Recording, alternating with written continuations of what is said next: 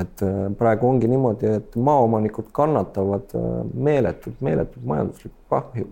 et tulevik näeb maaomanike jaoks üsna tume välja, et kui Hardi Tulluse meeskond, äh, Rein Trehkan, väga tunnustatud patogeeni uurija, ütleb, et tulevik on ikka väga karm, sest sealt lõuna poolt tuleb igasugu imelikke elukaid ja seeni ja asju, mis võivad koheselt meie metsa ära süüa noh, siis minul on niisugune küsimus, et terve metsandussektor peaks hakkama mõtlema juba tulevikku ette, kuidas kindlustada seda, et nende see mets ikkagi kasvaks. noh, praegu ma olen, pigem näen seda, et mõeldakse ainult seda, kuidas saaks ruttu kõik ära, on ju, ja et küll siis lapsed ja lapselapsed tegelevad, et.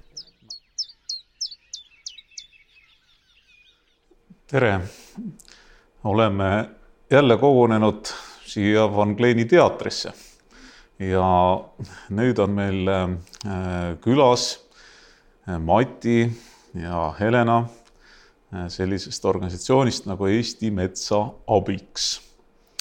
ja me räägime loomulikult ühistarkusest, aga, aga sellega paralleelselt ja enne seda me natukene räägime emast ehk siis organisatsioonist nimega Eesti Metsa Abiks et äh, mis ta on, äh, miks ta tekkis, kus ta tekkis ja kuna, kuna ma ise olen ka aeg-ajalt sellega isegi päris nii-öelda algusaegadel kokku puutunud, et, et siis, siis saan ka sõna sekka öelda.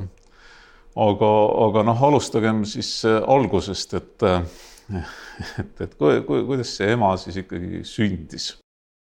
ma võib-olla alustan siis, et äh, ajajärk umbes viis aastat tagasi ähm, tulid kodanikud kokku, äh, tegid Tallinnas Toompeal meeleavalduse. Äh, olin ka seal, jah. meeleavaldus oli kuuse raievanuse langetamise vastu ja see oli üle pika aja esmane kord, kus kodanikud võtsid nagu sõna ja nõudsid, et looduskeskkond oleks Eestis kaitstud. ja see aitas ka ühtlasi luua vundamendi Eesti Metsa abile ja sealt edasi on siis Eesti Metsa abiks äh, mm, kasvanud nagu laps, eks alguses on puberteet ja hiljem. kohe ikka ei ole puberteet noh, ütleme niimoodi, et kuna ma pean silmas, et äh, ema asustasid täiskasvanud inimesed, aga neil see täiskasvanutega on alati niimoodi, et uus asi võib tekitada niisugust emotsionaalselt kõrgendatud olekut, kuigi ollakse täiskasvanud. Et ma, ma võib-olla isegi täiendan, et, et, et teatud mõttes ongi noh, sageli ju nii, et kui ühiskonnas midagi nagu uut äh alguses äh, sünnib, et siis esialgu ongi see lähenemine võib-olla natukene nagu jõulisem, äh, rohkem nagu suurem vastandumine. äh, ja, ja kui, kui nii-öelda emotsioonid lahtuvad ja aastad edasi liiguvad, et siis ongi nagu normaalne, et vaikselt äh, tasakaalustub ja, ja ütleme nii, et, et praegu me nimetame ennast ikkagi juba looduskaitseorganisatsiooniks, kui alguses oli puhtalt äh, aktivismipõhine tegevus. Ja et, et selles mõttes see on väga huvitav noh, no juhtum, kuni võib öelda või, või noh, näide on ju, et et sellisest, sellisest siis olukorrast, et, et kus tulevad kokku inimesed, kes on, on ju ikkagi nagu kirglikud, on ju, et, et nad tahavad nagu metsa hoida. noh, näiteks siis ma, ma nagu tunnen seda kirge täiesti ka endas, on ju. nii, aga, aga et, et mis siis juhtub, kui tuleb kokku on ju noh, ikkagi kümneid ja kümneid selliseid kirglikke inimesi Äh, kes tahavad üht, noh, nii-öelda laias laastus ühte asja ja, ja, ja siis, siis hakkab kuidagi midagi juhtuma. et ja igas mõttes juhtuma, et, et võib-olla veel enne, enne, enne, enne selle ühistarkuse organisatsioonina noh, juhtimise siselu juurde äh, minemist, et, et äkki annate palun nagu sellise lühiülevaate, et mida, mida ema siis ikka teinud on ja mida ta teeb no?? Mm, noh, Eesti Metsa Abiks on algusest peale olnud niisugune asutus, kus siis inimestel on mingid rollid. Äh, kui mina liitusin EMA-ga umbes viis aastat tagasi, siis, äh, siis minu rolliks sai metsamehena kajastada seda, mis metsas toimub.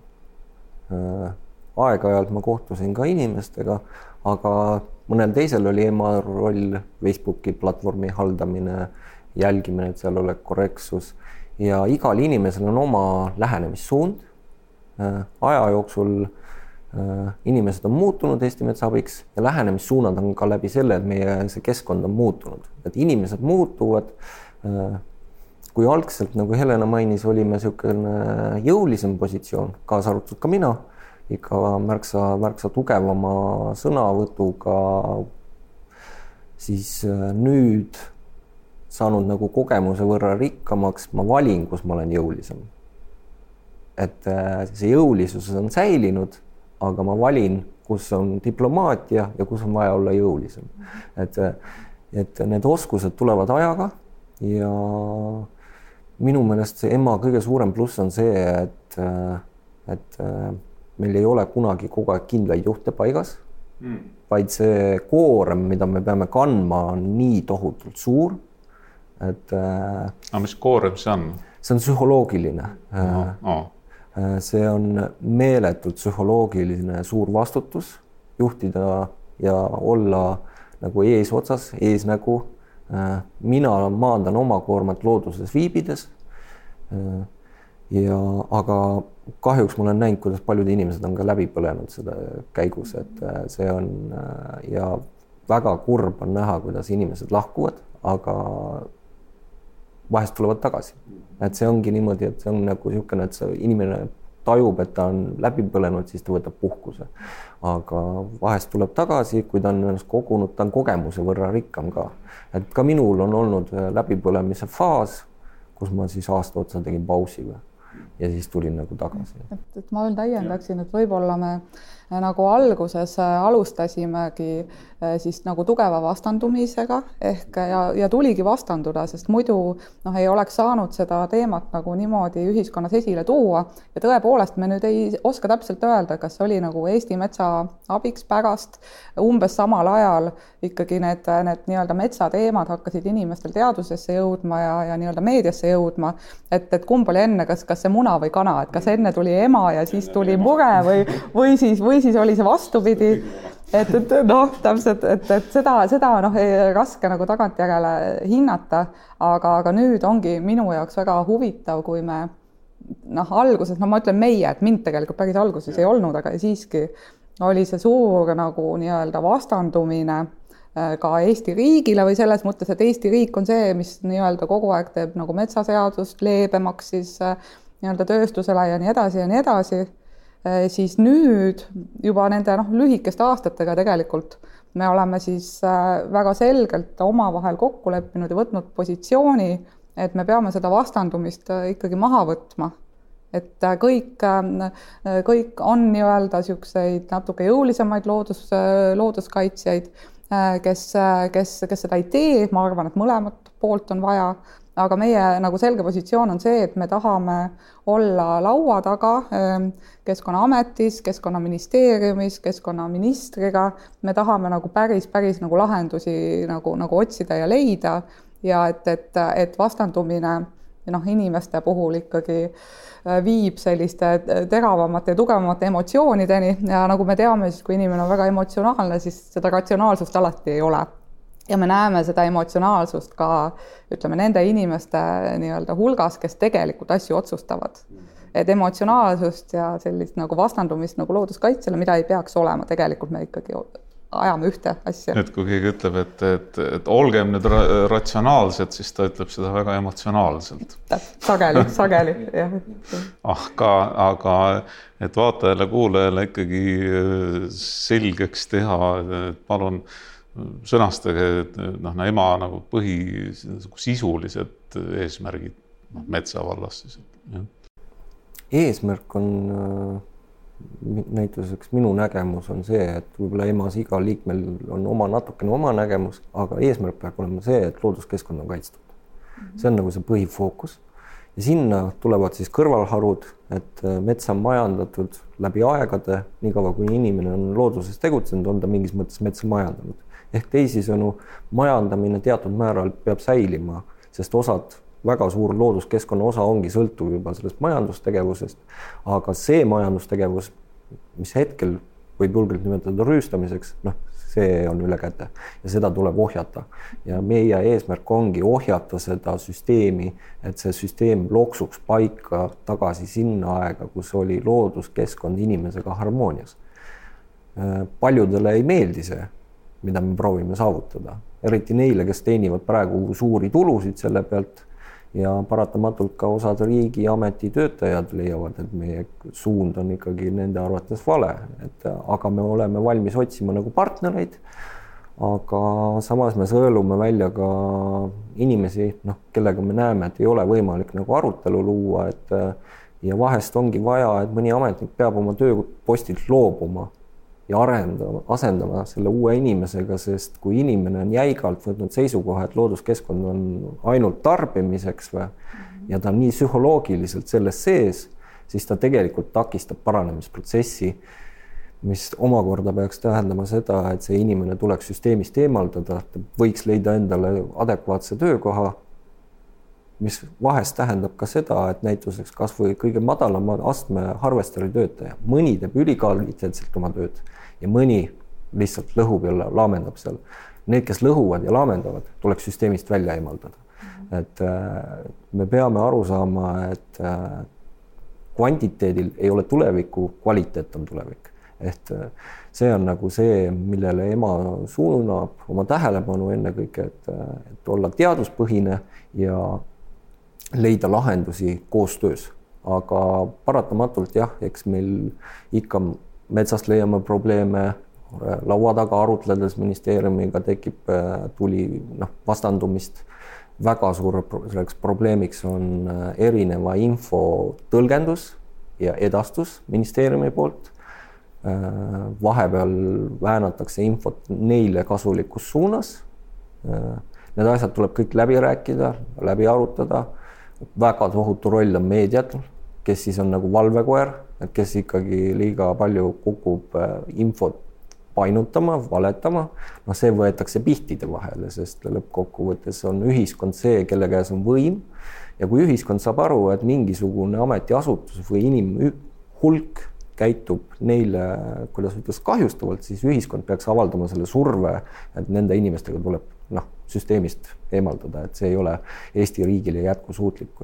lõppkokkuvõttes äh, kaitseme ka Eesti julgeolekut, sest mets on äh, julgeoleku tagatis, garantii. lageraielangil ei, ei ole lihtne Eestit ära kaitsta jah, kuigi ma, ma ei taha jah, sellest saatest nii-öelda minna väga metsandusse, kuigi noh, ütleme, et see mulle ka, ma lihtsalt ütlen, et see on ka mulle nagu selline kirglik, kirgi tekitav ja tuttav teema, et, et lihtsalt lihtsalt vahemärkusena, et, et, et noh, mis see oli siis mingi ligi aasta tagasi ilmus ikkagi selline seisukoht, et, et, et just nagu lagedama peal on parem kuidagi sõda pidada või sellist. Äh, minu infoallikad ütlesid, et selle raporti kirjutas kokku inimene, kes ei teadnud sõjandusest suurt midagi mm. -hmm. et äh, ma nimetan oma seda infosüsteemi ämblikuvõrguks, kui kuskil miski info liigub, mida mul vaja on, siis ämblikuvõrk hakkab püüdma et, et. sa oled nagu võrgud välja pannud jah? et sul on et, oma ämblikud. et ütleme niimoodi, et väga paljud inimesed aitavad. minul isiklikult on väga paljude metsameestega väga hea usalduskontakt, kes annavad mulle vajalikku informatsiooni ja vastutasuks ma tagan neile täieliku anonüümsuse. sest kui tuleb välja, et kes toetab EMA-d metsandussektori seest, sellel ei ole seal pikka pidu et aga ma, ma olen, mul on siiralt hea meel, et nende inimeste hulk aina suureneb, kes metsandustööstuse seest on valmis eemalt nagu toetama. võtmesõna selline täielik usaldus et.... jah, et, et ja niisugust asja näiteks kolm aastat tagasi ei olnud, et metsamehed mm. emad aitaks või, et see on tekkinud nagu selle töö najal, mida me oleme EMA-s teinud. paljud metsamehed tahavad äh, lahendust ja nad näevad ise ka, et see ei ole jätkusuutlik, aga nad tunnevad, et neil ei ole praegu seda võimalust nagu ise oma näo ja pildiga kõneleda. Ja nad otsivad seda väljundit ja paljud ongi hakanud nägema EMA-d selle väljundina, et nad aitavad sealt, kus on nende ohutuspiir, et ja mina aktsepteerin seda, et nad aitavad ja ei tee seda oma näoga, et aeg ei ole neil metsanduse sees ei ole nii tugevat juhti veel kes siis metsamehed, kes opositsioonis on, need nooremad metsamehed just koondaks oma selle hõlma alla, et seda juhti veel ei ole seal sees tekkinud. kuigi noh, võiks varem või hiljem peab see ikkagi tekkima, et. aga jah, see, see on huvitav, et see, see on ju ikkagi seotud mingisuguse noh, jällegi lugudega ja mingi nägemusega, et noh, et, et, et milline, milline siis on ilus või milline on hea mets, on ju, et mm. -hmm et, et lihtsalt mina mõtlen seda, et noh, ma olen võib-olla tiba vanem, aga mitte ka nii tohutult. et, et, et noh, seitsmekümnendatel, kaheksakümnendatel, no ütleme siis minu no, nooruses, et, et, et see, see oli ju Eesti metsanduses noh, nagu teatud mõttes isegi selline kuldaeg on ju, et et, et, et Fred Jüssi on ju käis ja salvestas ja praegu, praegu ta enam noh ei saa nagu paljudes kohtades seda teha, sellepärast et linnud ei laula enam selles kohas ja need linnud. Et, et, et siis olid ka äh, ju mingid liidrid ikkagi, et noh, keda ma isiklikult küll ei tundnud või noh, ma olin nii-öelda väike või noor, aga noh, näiteks Heino Luik, ma olen aru saanud ja ja, ja et, et kes, kes kaitsesid nagu Eesti metsa, noh, ütleme siis nagu sellise Nõukogude Liidu sellise tööstuse eest on ju et aga et, et kuidas, seda ma juba nägin, noh, ise osalesin nendes protsessides üheksakümnendatel, et, et see, see, see lugu nagu noh, küll, küll niimoodi kriginal, aga väga jõuliselt nagu muutus, et, et, et harvester on hea asi, on ju. noh, ma ei tea, peenemaa puu raiumine on hea asi, on ju. noh, hästi niimoodi lihtsalt, aga noh, põhimõtteliselt selliseid lugusid ju räägitakse, et, et, et, et nüüd ongi nagu küsimus selles, et, et, et kuidas siis see see, see noh, ütleme sellise, sellise noh, nagu siis ma ei tea, võib öelda meie mõistes, et kui ühel pool siin lauda olla, et, et sellise ilusa metsa lugu nagu uuesti siis äh, nagu laiemalt siis äh, ühiskonnas noh, nagu kõlapinda hakkaks omama nagu reaalselt, no see, millest sa räägid, et et, et, et, et lõpuks ikkagi nagu ühiskond tervikuna mingil kujul otsustab, on ju. Et, et kas ma, kas ma võin oma mõtte vahele öelda? Et, et ma olengi nagu nii-öelda aru saanud, et, et see kõlab jõuliselt, aga et me oleme infosõjas. Ehk, ehk klassikaline nii-öelda info, infoajastu küsimus, kus, kus tegelikult see teema on nii keeruline, et, et tavainimene valdavalt saab infot meediast. Ja meedias artikleid, kui lugeda, siis see info on noh, tohutult nagu nii-öelda vastukäiv et üks artikkel räägib sellest, kuidas meil on üle poole Eestist on metsaga kaetud ja kõik on korras, millest te räägite. teine artikkel räägib sellest, et noh, kuskil nii-öelda maanteedest kaugemal on ainult lageraielangid, et see ei saa, ei saa kõik korras olla, et midagi on väga-väga valesti. ja siis tuleb jälle artikkel, et ei, et te saate valesti aru, et tegelikult see on illusioon. ka meile öeldakse, et, et see on ainult illusioon, et, et on kõik kohad lageraielangke täis, et tegelikult ei ole hullu midagi ja see on infosõda ja, ja ütleme nii, et ähm, tööstuse pool äh, vahepeal sai ikkagi väga-väga suured nii-öelda äh, suure nagu äh, ütleme nagu, nagu teatud mõttes nagu selle meedia eelise ehk nende see info oli, oli jõulisemalt esil, võib-olla vahetult enne seda, kui, kui EMA sündis. Ja, ja, ja noh, me proovime nüüd siis seda tasakaalustada oma poolt. Et, et selgitada inimestele, et jah, et tõepoolest meil on nagu üle poole Eestis metsamaad, meil on tõesti metsamaad palju, aga mitte metsa, et nagu Mati kogu aeg räägib, siis metsa, mets algab meil ühest koma kolmest meetrist. Ja see tähendab seda, et meil on väga palju seda metsa ka, metsamaad, mis tegelikult nagu tavainimese jaoks on lihtsalt võsa või noorendik, et noorendikke on meil tõesti väga-väga palju. Aga, ja noh, seda räägib ka metsatööstus, et meil oli ühel hetkel väga palju nii-öelda noh, ühes vanuses justkui siis nagu äh, küpset metsa, kuigi sellist asja nagu küps mets noh, ökoloogiliselt ei ole, et see on majanduslik termin, et et, et Mati on rääkinud, et kuidas see nüüd oligi, et männid elavad kolmesaja viiekümne aastaseks ja ja, ja noh, ühesõnaga noh, kakssada viiskümmend, kolmsada viiskümmend on see niisugune normaalne ökoloogiline noh, eluiga, et see muidugi ei ole see, mis on puidutööstusele nii-öelda noh, vajalik, sest võib-olla nad, need puud on juba õõnes, et seal sees elavad juba, juba, juba linnu, linnupojad, et, et, et meil ongi siis see infosõda, mida nagu tavaline inimene sageli ei mõista on, on majanduslikud terminid versus siis nagu see ökoloogiline tegelikkus. ja ma lisaks lihtsalt, et, et mänd elab kolmsada aastat või nõks isegi kauem, aga mets ise ökosüsteemina kümme tuhat aastat tuhat aastat. noh, selles mõttes, et, et puud seal vahetuvad, aga mets, kui teda lagedaks ei raiu, noh, halvimal juhul looduslikul puhul on siis kas see torm on ju, mis teeb korraks, võib teha selle lage efekti, aga tormimurd ja lageraiel on väga suur vahe sees. et, et üldjuhul inimene on ikkagi see, kes selle metsa ökosüsteemi ringi lõpetab alati, ja siis ta, loodus proovib meeleheitlikult tagasi jõuda ja ühiskond tärkab iga raielangi peale, mis äh, asula ligi tuleb. täna mul tuli kõne, Põhja-Eesti inimesed, niisugune rikas asula, viisteist hektarit tõmmatakse lagedaks. ja inimesed ütlesid, et mis teha, küsisid, rääkisime kõik läbi, üldplaneeringu, äh, kohtutee otsused, asjad, äh, mm, võimaluse metsafirmalt mets ära osta, mets maksab sada kuuskümmend tuhat niisugust raha kogukonnal ei ole. Äh, kuna tegemist on erasektori maaga, metsafirma oma, siis äh, juriidiliselt üldplaneering pidi olema nii kehvasti kirjutatud, et seal ei ole ühtegi piirangut asulate ümber. väga. ja nad olid konsulteerinud ka advokaadiga ja advokaat ütles, et Eesti seadusandlus on nii kehvasti üles ehitatud, et kogu see kogukond tõenäoliselt jääbki kõigest metsast ilma, sest isegi kui te kohtusse lähete, jääte kaotajaks. sest äh, seadusandlus on nii oskuslikult metsatööstuse kasuks kirjutatud ja niisugused juhtumid, kus on näiteks kakssada inimest, kes kannatab selle massiivse raie all, räägib oma tutvusringkonna ja tutvusringkonna ja, ja mure kasvab mm. -hmm. koos murega kasvab ka hoolivus ja teadmised mm. -hmm. ma olen väga tänulik selle eest, et äh, metsafirma üritas Tartusse tselluloositehast teha. ja ma olen väga tänulik, et looduskaitsjatel ja Eesti ühiskonnal õnnestus see tagasi lükata, aga see teadmiste hulk, mida inimesed kogusid, see tarkus, see hoolivus looduse vastu kasvas nagu börsimaarkeris aktsia sirgjooneliselt üles.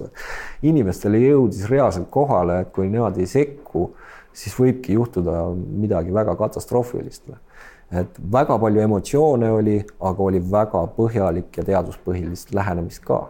et teadlased pidid hakkama valima pooli, et kelle poole, et oli niisuguseid huvitavaid üleminekuid, et kus metsatööstust toetav teadlane läks üle looduskaitse poolele, sest lapselapsed ütlesid, et kuule, nii ikka ei saa, et sa pead ikkagi kaitsma. ja inimene, teadlane muutis oma seisukohta ja kas see tähendas seda, et esialgne seisukoht oli moonutatud? tõenäoliselt küll jah, sest hiljem tuli sealt ikkagi väga adekvaatne, kuidas ikkagi need asjad ei toimi ja kõike see.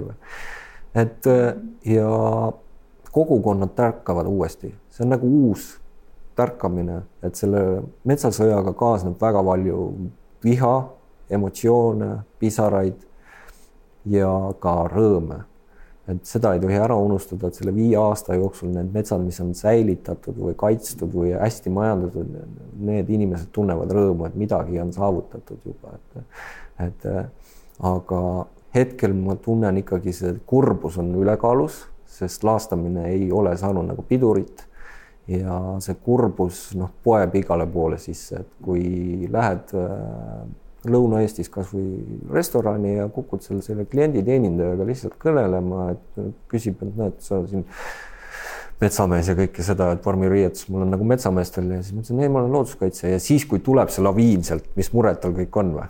sest ta tunneb, et esimest korda on tal inimene, kellele ta saab rääkida oma ära, kuidas seal on kõik maha raiutud ja seal on kõik maha raiutud ja siis ta räägib, kuidas terve see piirkond muretseb selle pärast. aga inimesed ei ole leidnud veel seda väga tugevat väljendut sinna läheb aega, eestlane ongi rahuliku loomuga, et ta kõigepealt kodus muretseb, nutab patja, siis ta läheb metsa, nutab seal ja siis, kui ükskord see pauk ära käib. ma loodan, et me ei jõua selle pauguni, sest äh, inimesed võivad reageerida nagu erinevalt, et lahendus tuleb ennem. et minu soov on see, et, äh, et me ei pea ühiskonda nagu hulluks ajama, vaid et me lõpetame ennem selle hulluse ära, mis me teeme metsas ja laseme siis ühiskonnal rahuneda maha sest see, kuidas ühiskonnas temperatuur kasvab, tegelikult ei ole see kellelegi kasulik, et mm. -hmm aga no kui me juba siin eh, sisuteemade juurde niimoodi sügavuti sukeldusime nendesse, et siis, eh, et, et siis eh, noh, ma ei taha küll üldse mingit nii-öelda saatana advokaati siin mängida, aga, aga lihtsalt, et asi selgemaks saaks, on ju, et noh, et et alati või, või väga tihti on ju nii-öelda puusalt kohe tõmmatakse mingi relv ja sealt väljub siis selline sõna, et nagu töökohad on ju, et, et, et noh, kuidas, kuidas, kuidas te siis nagu käitute, kui selline kõige, auk on käinud? kõige suurem töökoha kaotaja Eesti metsanduses on metsandussektor ise mm. -hmm. Erametsaliidu keskuse või üks tähtis, väga tähtis metsaliidu juht kinnitas ise avameelselt ajakirjandus ka, et äh, tegelikult töökohad kaovadki selle najal, et robootika ja muu kõik võtab töökohad ära. -hmm. kas keegi sellest räägib või? ainult looduskaitsjad ütlevad, et tegelikult sinna need töökohad kaovad. Mhm. RMK on koondanud meeletus koguses inimesi, et äh, tekitada paremat süsteemi. alates metsavahtidest üheksakümnendatel. jah, et äh, tegelikult põhikoht, kuhu töökohad kaovad siiamaani, on metsatektori seest isil. Mhm. see, mida looduskaitsjad tahavad ei pruugi tuua üldsegi nii massiivset äh, töökohtade kadu. et ministeeriumi sees oleme uurinud, et noh, et kui adekvaatne see hinnang on või, see on kaudne et see kaheksa tuhat või kümme tuhat inimest, et et, et see on niisugune subjektiivne hinnang, keegi on andnud mingid numbrid või, et ja teine asi on see, et ma ütlen ausalt, need susserdised, kes inimesi petavad seal metsatööstuse sees, seal on nii palju ruumi nendes, kes, keda võikski sealt nagu välja rookida või?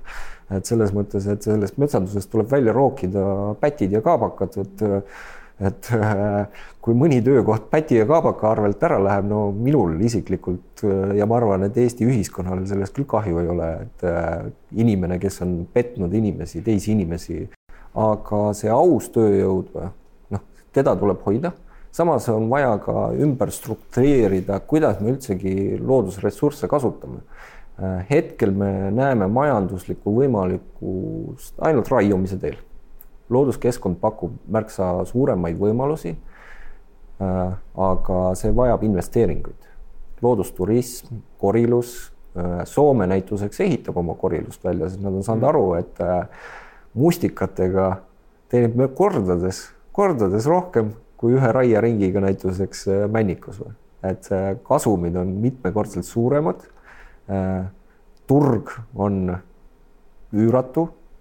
et selles mõttes võimalusi äh, on palju, aga tihtilugu ongi see, et kui sa oled nagu ühte asja teinud juba Eesti puhul ütleme niimoodi, et kakskümmend viis aastat arendanud on ju, no kuidas sa siis lähed seda seent korjama, et et ei tundu nagu metsamehele just eriti niisugune asi, mille poole ta nagu küündiks või teeks või et, et ja kindlasti on ka neid, kes siis äh, on süütud kannatajad, kui töökohtade kadumine mingi, see on igal pool, kasvõi praeguse elektrienergia kriisi juures, et inimesed, firmad lähevad pankrotti, inimesed kannatavad. Aga siin on hästi oluline, et riik äh, võimaldaks seda tugisüsteemi, inimestele ümberõpet ja sellest igast kriisist tuleb õppida seda, et äh, tulevik oleks turvalisem. me peame vaatama, millest see kriis on tekkinud kriis on, miks töökohad võivad sattuda ohtu, on see, et äh, on toimunud väga ulatuslik üleraie ja et. et, et hetkel põhi, põhimõtteliselt jah äh,, äh riik nii-öelda siis äh, ehk Eesti riik äh, nii-öelda on koostamas metsanduse arengukava, igavesti problemaatiline dokument ja noh, sisuliselt on plaan jätkata nagu enam-vähem samal kursil. ehk nii nagu nüüd äh, neid met-, metsi on raiutud, ütleme viimased noh, ümmarguselt viimased kümmekond aastat, et nüüd järgmised kümmekond aastat äh, need raiemahud on nagu enam-vähem samaks plaanitud. Äh, aga nüüd, kui ma ei eksi, siis põhimõtteliselt kui me nüüd kümmekond aastat täpselt samamoodi jätkame siis äh, tuleb äh, metsatööstuses ähm, selline kiire kukkumine ehk, ehk nagu niisugune suurem ehmatus, kus töökohad kaovad ja tõenäoliselt, äh, tõenäoliselt ka selline nagu väik-, väiksem nagu niisugune sotsiaalne šokk. et, et niiviisi nimetamata jumala eest, aga, aga olen ka Keskkonnaministeeriumist siis nagu mitteametlikult saanud selle kinnituse, et jah, me teame, et tõepoolest tuleb see kukkumine ja noh, meie äh, nagu äh, oleme väga palju nagu rääkinud ja mõelnud sellest ja, ja me leiame, et, et noh, ühest küljest me muidugi kaitseme loodust, aga teisest küljest me noh, vaatame ka pilti laiemalt. ehk siis äh, me leiame, et nagu väga oluline on, et raiemahud läheksid alla järk-järgult, et, et niimoodi, niimoodi noh, jõuab see ühiskond kohaneda ja et jumala eest me, me ei soovi seda et Eesti inimesed tunneksid, et, et looduskaitse on nüüd see, kes, kes nagu nende nagu leiva kallale läheb, sest ähm, see lõppkokkuvõttes kahjustab loodust. kui inimesed muutuvad emotsionaalseks, ütlevad, et looduskaitse kuidagigi nagu nende igapäevaelu häirib, äh, võib-olla nagu neile märgataval moel ehk ma ei tea, kaob ära, eks ole, pereisal ei ole ühel hetkel enam palka Äh, siis see nagu niisugune nagu negatiivne emotsioon esialgu nii-öelda liigub looduskaitsjate suunas, lõppkokkuvõttes äh, liigub nagu looduse suunas, et me seda ei taha, me tahame, et äh, et me läheksime nii-öelda sujuvalt üle siis nagu loodust säästvamate nii-öelda võtete peale, et raiemahud läheksid alla. tasapisi, aga kindlalt. taustal muuseas jah, nagu päris sellist toredad metsapildid, et noh, nagu selline võiks ju mets laias laastus olla või? jah, ja, ja näituseks kuuskümmend aastat tagasi saadi väga hästi aru, et selleks, et edukat palki kasvatada, peab olema toimiv looduskaitse ökosüsteem, kõik see seal kõrval. millest tuleb praegune kuusekoore üüraaski aina kasvav massiline hävitustöö Eesti strateegilistes kuusepalgimetsades tulebki sellest, et ökosüsteem ei suuda selle üraski rüüstega vastu panna, sest ei ole midagi, mis seda metsa kaitseks enam, et meil ongi juba teatud piirkonnad, Lõuna-Eesti eriti, mis on lihtsalt nii ribadaks raiutud. noh, vanasti üteldi, et juustuks, nüüd räägitakse juba kalavõrgust, et, et, et ta nii hõre juba, et ja ökosüsteem ei suuda ohjeldada ühte liiki, kes seal on läbi aegade elanud ja vot see on väga tõsine probleem, kui meile majanduslikus mõttes kahjulik liik saab eeldu-, see sisse, sest ei ole seda liiki, mis te, teda ohjeldaks, et, et see, et loome ühele keskkonna ja teistelt võtame ära, siis paratamatult sellele järgnevad väga suured majanduslikud kahjud. et äh, praegu ongi niimoodi, et maaomanikud kannatavad äh, meeletult, meeletult majanduslikku kahju. et tulevik näeb maaomanike jaoks üsna tume välja, et kui Hardi Tulluse meeskond, äh, Rein Trehkan väga tunnustatud patogeeni uurija ütleb, et tulevik on ikka väga karm, sest sealt lõuna poolt tuleb igasugu imelikke elukaid ja seeni ja asju, mis võivad koheselt meie metsa ära süüa. noh, siis minul on niisugune küsimus, et terve metsandussektor peaks hakkama mõtlema juba tulevikku ette, kuidas kindlustada seda, et nende see mets ikkagi kasvaks noh, praegu ma olen pigem näen seda, et mõeldakse ainult seda, kuidas saaks ruttu kõik ära, on ju, ja et küll siis lapsed ja lapselapsed tegelevad, et no eks see, see on nagu üldse selline mentaliteet praegu, et et ma mõtlen ka seda, et, et kogu maailmas on noh, ikkagi järjest süvenev selline ebastabiilsus, et läbi kliimamuutused, kas, kas keegi usub seda või ei usu, aga ma arvan, et kusagil nii-öelda seljaajus on ikkagi selline võbelus, et, et, et, et asjad on väga nagu ebastabiilseks muutunud ja noh, et siis, siis, siis loomulikult on noh, üks reaktsioon, et noh, et võtan praegu selle, selle, mis võtta saab, on ju, ja siis pärast noh, pärast, pärast on, mis on, on ju, et, et jah. et tul-, tul-, tulevikku tuleb vaadata ja, ja praeguste ütleme, lageraie põhise metsamajandusega, mis juhtub, et metsa noh, kasvab ikka kogu aeg peale, nooremat metsa loomulikult kasvab, aga, aga üldjoontes nad on ametlikud riigid, riigi andmed Keskkonnaagentuuri poolt, et meil on metsaelupaigad on kõik kehvas seisus, just eile rääkisime ministeeriumi töötajatega sellest, et no mida me siis teeme, et, et tegelikult ei ole keegi nagu seda täpselt uurinud, et kuidas lageraiemajandus ikkagi meie siis nagu metsaelupaikasid, sisuliselt nagu vääriselupaikasid, kuidas nad, kuidas see mõjutab meil on terve suur hulk liike välja suremas meil on metsaelupaigad on punases ja nagu ongi punases ja jätkame samamoodi lageraie majandusega. et üldjoontes hetkel meil paraku ikkagi see ökoloogiline mitmekesisus on vähenemas Ehm, ja, ja täpselt noh, sellesama nii-öelda Mati jutu jätkuks, et, et kui meil on, mida monokultuursem ja mida nagu ühe, ühetaolisem on see mets, seda nõrgem on ta kõikvõimalikele nii-öelda kahju, tähendab seda vastuvõtlikum on ta kahjuritele, seda nõrgem on tema nagu see loomulik eh, immuunsus ja, ja seega, kui meil on, ütleme, majandusmets siis ideaalis võiks seal olla niisugune kas või väike tukakene nagu kaitstud metsa keskel, kus siis on see liigirikkus saaks nagu arendada, siis see äh, väikene tukakene kaitseks siis ka nii-öelda ökoloogiliselt seda ümbritsevat majandusmetsa, et putukad mutukad teda ära ei sööks ja, ja nii edasi. Nii, aga nüüd ongi, et, et, et ma ise ka äh, tulen selle metsateemaga kaasa, aga, aga räägime nüüd natukene ka EMA-st kui organisatsioonist, et äh, aga, et alustaks te, teist konkreetselt, et, et mind ikkagi huvitab see täitsa, täitsa isiklikult ka, et et mis, mis praegust jutust on ka välja tulnud, et, et, et noh, et nagu, nagu mõnes mõttes tegutsete ikkagi sellisel lahinguväljal, on ju.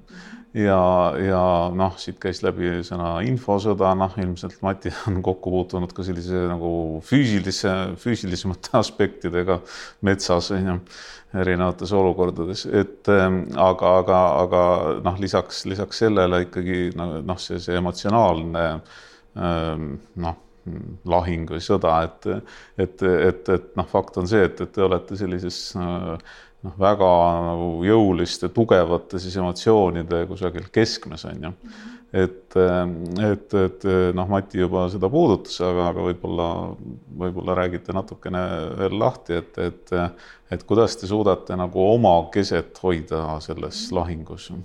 -hmm. väga, ütleme niimoodi, et minul endal on, on väga selge noh, nägemus, kuidas seda teha. ehk eelkõige meil on selline tuumik siis inimestest, kes me seda tööd igapäevaselt koos teeme. Esimene asi, et me peame kõik äh, nii-öelda liikuma ühes suunas. Ehk, ehk kui meil on organisatsiooni nii-öelda eesmärgid ja sellised põhimõtted äh, kokku, kokku lepitud, et siis me pigem nagu koondame sinna tuumikusse noh, inimesi, kes meiega nagu ka kaasa kõnnivad. sest sageli on äh, noh, just nimelt kodanikualgatusega nii-öelda MTÜ-des nagu väga erinevat in tüüpi inimesed koos ja siis on nagu lakkamatu selline vaidlus, et kuidas me nagu seda tulemust kõige paremini sa saavutame. et kas me peame tegema nii, kas me peame tegema naa, kas me peame olema natuke jõulisemad või, või, või võib-olla diplomaatilisemad ja siis äh, kohati, kohati see, ütleme äh, nii-öelda igapäevaelu on rohkem nagu see omavaheline kemplemine kui see päris töö tegemine. ehk, äh, ehk minu nägemus on see, et peab olema ühine hingamine ja peab ole, peavad olema inimesed, kes teevad sama asja ja pigem siis meil on nagu oma põhitiimis nagu väga valitud nagu valdkonna spetsialistid hetkel praegult aastal kaks tuhat kakskümmend kaks. ja meil on selline väga turvaline keskkond ja väga nagu niisugune mõnus, mõnus, mõnus kodune turvaline nii-öelda töö, tööõhkkond. aga kuidas te selle ühise hingamiseni olete siis jõudnud? Mm. noh, ma olen ise äh, nii-öelda tulnud hoopis teisest, teisest valdkonnast. Ehk ma olen nii-öelda juhtinud meeskondasid ka ka, ka siis nii-öelda sellises äh, tavapärases kommertsmaailmas. Ja, ja, ja ongi tohutu, tohutu vahe, et kui kui nagu ettevõttesse noh, inimesi ütleme, valitakse tööle, siis tavaliselt noh, vaadataksegi erinevaid aspekte, äh, et alates siis äh, noh, inimese kompetentsist, iseloomust, kuidas, kuidas, millised on isikuomadused, kuidas nii-öelda inimene oskab võib-olla oma emotsioone juhtida ja no siis vaadatakse see nagu, nagu komplekt. Aga sageli noh, MTÜ-desse just kogunevad nii-öelda kõik inimesed, kes siis valdkonna vastu huvi tunnevad ja, ja noh, tegelikult noh, kodaniku liikumine ongi see, et me, et me nii-öelda, me esindamegi kõiki, kõiki Eesti inimesi ja, ja noh, meil nii-öelda laiemas siis rühmas on meil kolmteist tuhat inimest ehk, ehk seda me siis nimetame oma siis nagu nii-öelda ka, ka põhi, põhitiimiks ehk meil on siis sotsiaalmeediagrupp, kus on kolmteist tuhat inimest. et aga, aga ongi siis nagu kaks erinevat tasandit. et, et see põhiline nagu töö mida, mida, mida me teeme, on, on ikkagi selline nagu väga spetsiifiline ja väga pingeline ja väga noh, me vajame sellist nagu oma niisugust turvalist tuumikut, et seda teha. ja noh, muidugi me valime inimesi nii kompetentsi kui isikuomaduste järgi ikkagi, kes meil seal tuumikus, tuumikus on hetkel. ja ma lisaks, et äh, vaimse poole pealt pead olema hästi aru saama, mis su sees toimub. Nii, väga huvitav, räägi sellest. et äh, mina õppisin oma vaimset sisemist mina tundma kolmteist aastat metsas omaette töötades ja, ja leidma seda tasakaalu. et äh, vahepeal on kõrgemaid emotsioone, vahepeal on niimoodi, et aga üldiselt sa pead suutma näidata, et see, mida sa välja kiirgad, seda peegeldavad sulle teised vastu omapoolse emotsiooniga et ja kui sina peegeldad neile rahulikku mõistvat arusaama, siis nad peegeldavad sulle meeskonna sees seda tagasi. see ja teine asi on äh, väline, üks asi on, mis on eema sees, noh, see peab toimima nagu harmoonias, äh, peab olema äh, ühtsus ja seda ühtsust me proovime leida, hoida, kui on mingid arutelud, siis me arutleme nii kaua, kuni me leiame lahenduse. ja aga väliselt noh, näituseks, et kui metsamehed ikkagi tükivad naha peale andma metsas, siis ma ei saa seda võtta isikliku rünnakuna, vaid äh, pean leppima sellega, et noh, et see oli see moment. Äh, äh, et aga ma ei tohi võtta seda hinge endale.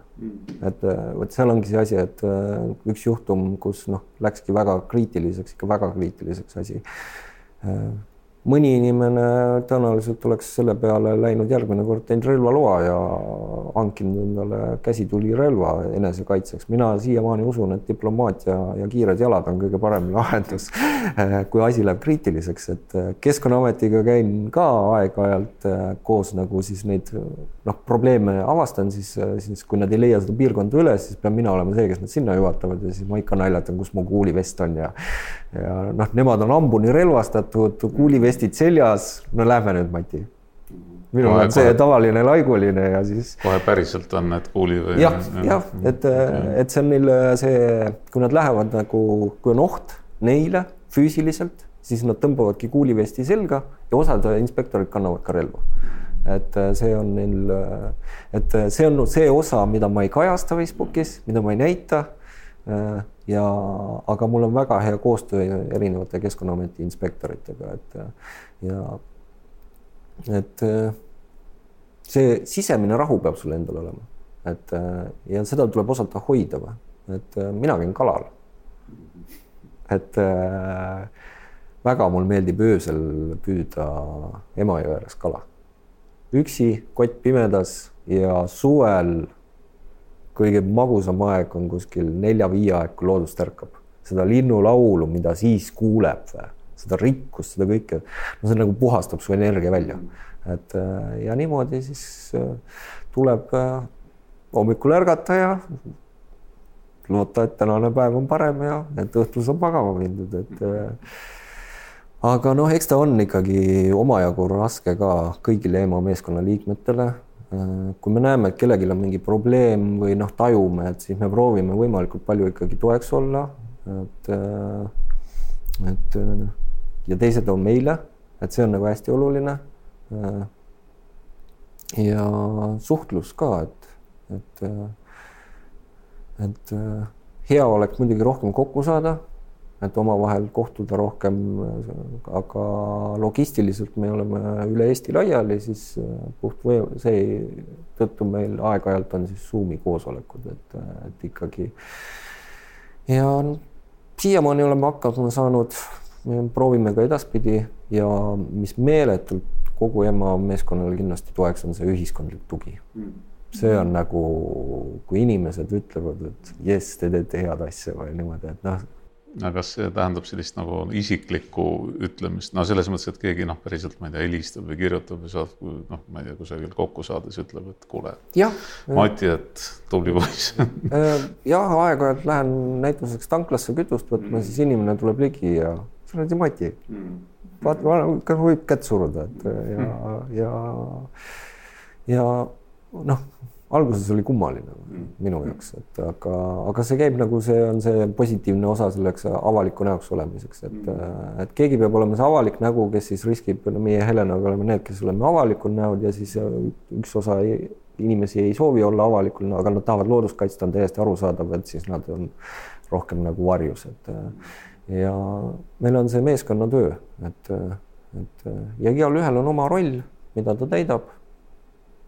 Ja me anname, proovime anda ennast parima. noh, ega alati kõik ei lähe nii, nagu sooviks, aga, aga, aga siiamaani noh, tulemused räägivad enda eest, et ikka asjad on. üks inimene ühe korra ütles, et kui teid ei oleks, ma ei kujuta ette, mis siis toimuks, on ju, et noh, et, et mis siis oleks või noh, et, et ja inimesed on hakanud ise ka koonduma, hakanud tegelema nende probleemidega, otsima ise lahendusi, kirjutama omavalitsustele, et et ja meie oleme see kõrvaltugi nagu nõustaja liin, noh, et täna jahimehed kirjutasid, et äh, tahavad lasketiiru teha, et metsised saatsid video e. paratamatult jahimehed äh, ajasid linnuliigid sassi, tedred hoopis. aga noh, see näitab seda, et inimestel on mure äh, laske, et kas, kas nad võivad praegu nagu seda lasketiiru ehitama hakata, sest load, kõik asjad on olemas, aga seal on suured linnud. et ja siis ma nüüd kas homme või täna õhtul ilmselt ei jõua, kirjutan neile, et tegemist on tetradega, siis selgitan neile tetrade hingeelu, äh, mis katse, kaitsekategooria on, äh, viisakalt suunan tähelepanu, et tegemist ei ole metsistega, kui metsised oleks, siis äh, metsiste puhul kaitstakse metsise kukkede mänguala ja kui lasketiir on metsise kuke mängualal, siis peaksid nad üldsegi loobuma, sest nad on väga tundlikud selle mängu ajal heli suhtes.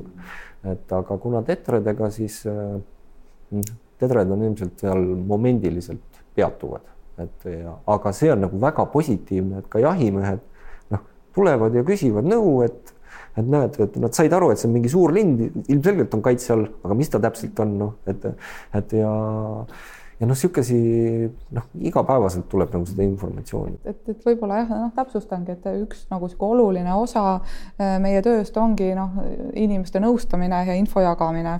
et aga see on ikkagi, ikkagi pigem noh, me teeme seda küll pidevalt ja, ja iga päev tuleb uusi juhtumeid, aga see on ikkagi nagu pigem, pigem võib-olla väik-, väiksem osa, et, et, et mida, mida, mida me teeme, noh, on, on see, et me teeme seda tööd, noh, võib öelda ikkagi Eestis noh, selles mõttes kõrgemal tasemel, et me noh, proovime olla nii palju kui võimalik ministeeriumis laua taga, Keskkonnaametis laua taga. me proovime osaleda siis seadusloomes ehk, ehk lõpuks kõik, kõik meie, meie, meie mured, nagu me nüüd oleme aru saanud, et ega, ega siin ei ole ikkagi muud, et me peame suhtlema meediapoliitikutega, me peame seadusi muutma, me peame regulatsioone muutma. noh, nüüd, kui, kui on tehtud ka täpsemaid juriidilisi analüüse, et, et noh, metsaseadust on kogu aeg leevendatud, leevendatud, leevendatud, et me peame nüüd nagu tagasi minema. et, et lisaks äh, aeg-ajalt paraku tuleb käia ka kohtuteed nagu kõige positiivsemas mõttes ja see tähendab seda, et, et kui me leiame, et Eesti riik, Keskkonnaamet Äh, ütleme, kui praktika, kuidas me näiteks oma Natura kaks tuhat alasid oleme siiamaani kohelnud, ei ole tegelikult, tegelikult seadustega kooskõlas, siis, äh, siis me oleme nüüd käinud kohtus, et, et ja meil samal ajal Keskkonnaametiga on väga hea koostöö Äh, nad mõistavad äh, seda põhjust ja ka nemad soovivad saada seda õigusselgust, et, et kuidas neid praktikaid siis on vaja kujundada nii, et nad vastaksid nii Eesti seadustele kui siis ka kui siis ka no, nii-öelda Euroopa Liidust on, tulevad, tulevad äh, nii-öelda ka regulatsioonid ehk äh, on direktiivid, millele Eesti seadused peavad vastama. me just nüüd siis saime tegelikult väga-väga huvitava tulemuse, mis muidugi Keskkonnaamet võib seda veel nii-öelda edasi kaevata. et, et praegult täna on meedias on pressiteade väljas ja uudised väljas, et, et, et Äh, siis sisuliselt siis kohtuotsus äh, ütles, et, et meie siis jah, praktika on olnud kogu aeg ebaseaduslik, et, et Natura kaks tuhat alasid on raiutud põhimõtteliselt suvaliselt. Ehk siis nagu nii nagu, nii nagu omanik soovib, teatised välja, kohe arvestage peale, aga, aga tegelikult on vaja teha alati Natura kaks tuhat aladel mõju hindamine eelnevalt, et ega see ei kahjusta siis selle ala kaitse eesmärke ja ehk siis me tegelikult ikkagi tegeleme sellega kõrgemal tasemel, et me ainult ei, ei, ei nõusta inimesi, me ainult ei jaga infot, vaid me nagu päriselt muudame asju. nii, aga, aga nüüd äh, proovime veel kord korraks äh, organisatsiooni juurde tulla, et, et, et noh, ma tean, et eelmisel aastal või noh, me, me kõik koos seal, ma osalesin ka, et, et põhimõtteliselt no nii-öelda õppisite, kogesite ja siis neid ühistarkuse meetodeid. et, et, et äkki ikka püüate nagu paari sõnaga rääkida, et, et kuidas nagu siis see selle, selle ühistarkuse valguses, et, et olgu need mingid konkreetsed meetodid, meetodid nagu otsustamismeetodid nagu ma ei tea, sotsiokraatiline või mis iganes, et, et noh, et ühesõnaga, et, et, et, et kuidas te neid siis rakendate või mida te rakendate või? het-, hetkesüsteem on selline, et väiksemamahulised otsused tehakse nagu individuaalsel tasemel sest igat otsust hakata läbi kaaluma. absoluutselt, aga, aga noh, need piirid on noh, kuidagi nagu selgeks tehtud, et. see on tunnetuslik, et, et igaüks peab tunnetama, et kas see vajab nagu konsensust mm.. asja mõte on see, et näituseks hästi tugev arutelu oli meil tükk aega tagasi juba üle aasta või rohkemgi, kui Keskkonnaameti lepinguga et kas me lähme sellega edasi või mitte. Lähete koostöösse või mitte. ja, ja siis oli väga tugev arutelu ja kõik, kes tahtsid, said sõna, kõik, kes tahtsid oma mõtteid väljendada ja eesmärk oli jõuda konsensusele. et äh, ja konsensus saavutati selliselt, et meil on praegu Keskkonnaametiga koostööleping mm. -hmm. ja see pingekolle näituseks äh, ja see, et keegi ei hakanud nagu jõuliselt peale suruma, et nüüd teemegi ainult nii ja nüüd olge kõik teised vait, vaid kõigile anti sõna, arutelu oli pikk, kirglik mm, -hmm. nagu need asjad ikka käivad ja see liitis tegelikult mm. -hmm. et see lõpuks nagu ja see, et ka osad inimesed on introverdid ja osad on ekstroverdid ja kui introverdid saavad ka sõna sama kaaluga nagu ekstravert, siis äh, see mhm. tegelikult loob selle võimaluse koostööks ka edaspidiselt, et, et. Äh, aga kuidas te seda täitsa niimoodi praktiliselt tegite, kas te olite füüsiliselt koos või, või see, videos, Zoomis või? meil oli Zoomis, sest see oli koroonaaeg mhm. ja, ja ma ütlengi, et, et olukord on selle koroona tõttu väga keeruline ja see on omaette pannud meil raskuskehe, et me ei saagi nagu kogu aeg kokku saada, sest äh, on see koroonaprobleem olnud, siis on logistilised probleemid ja aga kuidagi see asi toimib et meil toimub ta, meil toimib ta tõesti hästi ja ma usun, et teised nagu meie meeskonna liikmed saavad seda ka kinnitada. ja ma ütlen, et me tegelikult saime tõepoolest ju sotsiokraatia koolituse. me ei ole, me praegult, me ei saa öelda, et me täielikult nüüd sotsiokraatiat järgime, aga me järgime seda intuitiivselt, et tegelikult sisuliselt nagu see, see mõte, mis on sotsiokraatia taga, ma usun, ma usun, et meil nii-öelda noh, see toimib meil omavahel, noh, teatud osa on, on sellest ka see, et praegult meil see põhituumik on juba piisavalt kaua eh, nii-öelda koos olnud, ehk me tunneme teineteist väga, väga, väga, väga hästi, me teame eh,, noh, mina isiklikult, ma olen kõikide meie, meie inimestega noh, praegu kogu aeg ehk kontaktis, et kui kellelgi on mingi mure või mõte, näed, ma ei saanud koosolekul sõna või, või et näed, mulle tundub, et peaksime teises suunas minema, ma kohe tean, ma kohe tean seda et aga, aga mina ei ole ikkagi, ma ei, ma ei ole juht, et ma ei usu, et keegi mind nagu kuidagi, kuidagi juhiks peab. et aga, aga, aga meil see asi toimib väga orgaanilisel nagu moel ja väga-väga hästi ja see sotsiokraatia teadmised olid, olid väga-väga oluline osa, et, et me saime selle kuidagi niimoodi iseenesest jooksma. et ma olengi noh, mõelnud, et kui, et juhul, kui on ütleme nagu uus kooslus inimesi, et siis me peaksime väga noh, võib-olla täpsemalt järgima kõiki, kõiki nii-öelda noh, juba nagu, nagu ette antud võtteid, et kui me veel ei, nagu ei tunne kõiki inimesi nagu hinge, hingepõhjani et, et, et aga praegult meil toimib ta sarnaselt sotsiokraatiaga, aga väga orgaanilisel moel. mulle tundub nii. jah, et kui sa paiskad sinna positiivset energiat noh, räägid küll rasketel teemadel, aga sa oled nagu kuidagi niimoodi ise nagu entusiasmi täis ja viis aastat teinud, aga ikka on niisugune tahe nagu edasi möllata, et, et, et ja, ja see hoiab ka teisi ja kui keegi võtab mingi valdkonna tegema, hakkab midagi tegema noh, siis tema on selle valdkonna boss nagu noh, et see on tema, see on tema ülesanne, tema on see põhiboss. tema siis teeb selle psühholoogilise analüüsi, et kas on vaja teisi kaasata või mitte, et noh, siiamaani meil ei ole kunagi tekkinud olukorda, et keegi teeb mingi ülisuure otsuse ja kedagi teist ei kaasa, noh, et noh, ma ei välista, et kunagi see võib juhtuda, on ju, et, et aga, aga see meeskond, mis meil praegu, kuhu mina ja Helena ka kuulume siis äh, seal on see harmoonia üsna hästi paika mhm. loksunud ja see on äh, selle eeldusega juba ainuüksi, et meil on ühine tahe loodust kaitsta. Mhm. ja väga suur tahe, et, et. no aga ilmselt ka midagi muud, et, et kui püüdes veel korra lõpus analüüsida, et, et noh, et, et ühine tahe loodust kaitsta, noh, see on, ma arvan, paljudel inimestel, aga aga et siis noh, mida sina ütlesid nii kenasti, et, et see ühine hingamine või noh, et ühine selline äh, noh, ma ei tea, siis emotsionaalne platvorm, tuli selline keeruline sõnastus, et, et või noh, ühesõnaga, et, et kuidas asju tehakse ja kuidas suheldakse ja ja, ja noh, seesama kasvõi noh, nagu väga lihtne asi tegelikult, mida, mida on ju, võiks lasteaias õppida, aga enam või väga paljud inimesed ei, ei õpigi selgeks, et noh, et, et ma ei tea, teist ära kuulata ja mm -hmm. mitte vahele rääkida ja et noh, et, et need elemendid ja noh, ilmselt veel paljud, et peavad kuidagi ka olemas olema lisaks sellele tahtele on ju. jah, seal on, et seal ongi see oskus kuulata, oskus kuulata ka neil, kes on nagu elavamad.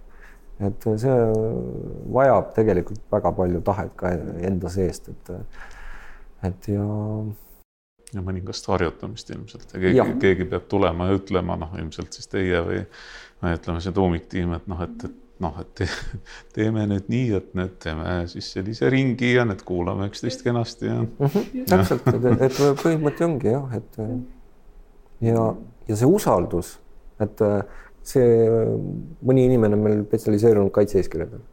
ma usaldan seda inimest, kui ta annab mulle info, ma tean, et ma, see, see on adekvaatne informatsioon, ma kordagi ei kahtle et vot see on ka meeletult tähtis, et kui inimene annab sulle informatsiooni, siis ma ei pea seda üle kontrollima, vaid ma usaldan. Ja EMO sees on see nii tugevalt kinnistunud, et kõik garanteerivad selle, et midagi ei tohi valesti minna, et me oleme teaduspõhine, rõhutame seda iseendale ka, et me oleme teaduspõhine, vahepeal on ikkagi vaja emotsioone ka, aga siis ei tohi unustada, et, et emotsioonid peavad olema tasakaalus, et ja et äh, tõmbame siis kokku, aga mul tekkis selline provotseeriv, positiivselt provotseeriv küsimus siia lõppu, et et, et kirjeldage palun äh, sellist just nimelt nagu, nagu positiivset olukorda, et kus äh, e-maad enam vaja ei ole nojah, ega, ega oleks ju ideaalne, eks ole, et, et kui, kui, kui Eesti loodus siis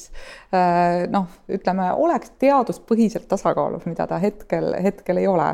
ehk, ehk ma arvan, et noh, tegelikult päriselus sellist olukorda mitte, mitte kunagi ei tule, et, et endiselt, endiselt me elame ikkagi ju tarbimisühiskonnas ja, ja loodust äh, noh, kiputakse võtma ikkagi toorainena, ega see võib-olla kunagi, kunagi nagu viiekümne, saja aasta pärast, no äkki me liigume vaimsema ja ilusama ühiskonna poole, aga, aga hetkel loodus, loomad, ökosüsteem, noh, see on meie ühiskonna jaoks, kõlab ju võikalt, eks ole, aga tooraine. ja vot meie, meie roll on siis nagu selgitada et loodus on eraldi ikkagi elus süsteem. loodus pakub teatud ökosüsteemi teenuseid, mida, mida me kõik inimesena vajame, et kui meil ei ole loodust, siis ei ole enam meid. et, et, et isegi noh, loodetavasti me saame nüüd ikkagi raiemahud alla Eestis ja, ja, ja, ja saame nagu see tasakaalu paremaks et aga, aga ma arvan, et, et see looduse kaitsja, kaitsmise roll, et keegi peab olema see, kes, kes, kes kaitseb ma teeks võib-olla lühi, lühemalt, et äh, emad ei ole siis vaja, kui inimene planeet maalt välja sureb. et, et äh, ma võin kinnitada. pessimistlik vaade et, et, paratamatult äh, ema peab kohanema, kui asjad lähevad paranemaks, me peame keskenduma oma tähelepanu rohkem äh, äh, siis toetada seda süsteemi üleval, kui ka süsteem on paigas, siis toetada seda süsteemi. aga alati otsib keegi sealt seda, see on inim, inim sisse kodeeritud, et keegi tahab ikka olla teistest parem ja kõike see ja ema peab olema võimeline arenema koos loodusega, et selle taktiga, et, et ja siiamaani selle viie aastaga me oleme suutnud areneda. aga ma võin ütelda julgelt jah, et kui inimene ära kaob, siis ei ole emad tõesti vaja, et aga aga kodanikualgatuslikke liikumisi demokraatlikus riigis on alati vaja. ja mida rohkem, mida tugevamad, seda tugevam on ka riik. Vau see kõlab juba nagu täiesti selline lõppsõna, aga noh, ma soovin siis omalt poolt ka emale ikka sellist eh, mõnusat minekut ja, ja elavust ja, ja tõhusust ja, ja noh, ütleme nii, et, et lähiajal on kindlasti vajadus ema järgi olemas nii et äh, aitäh kuulamast ja vaatamast ja, ja järgmisel korral järgmised teemad.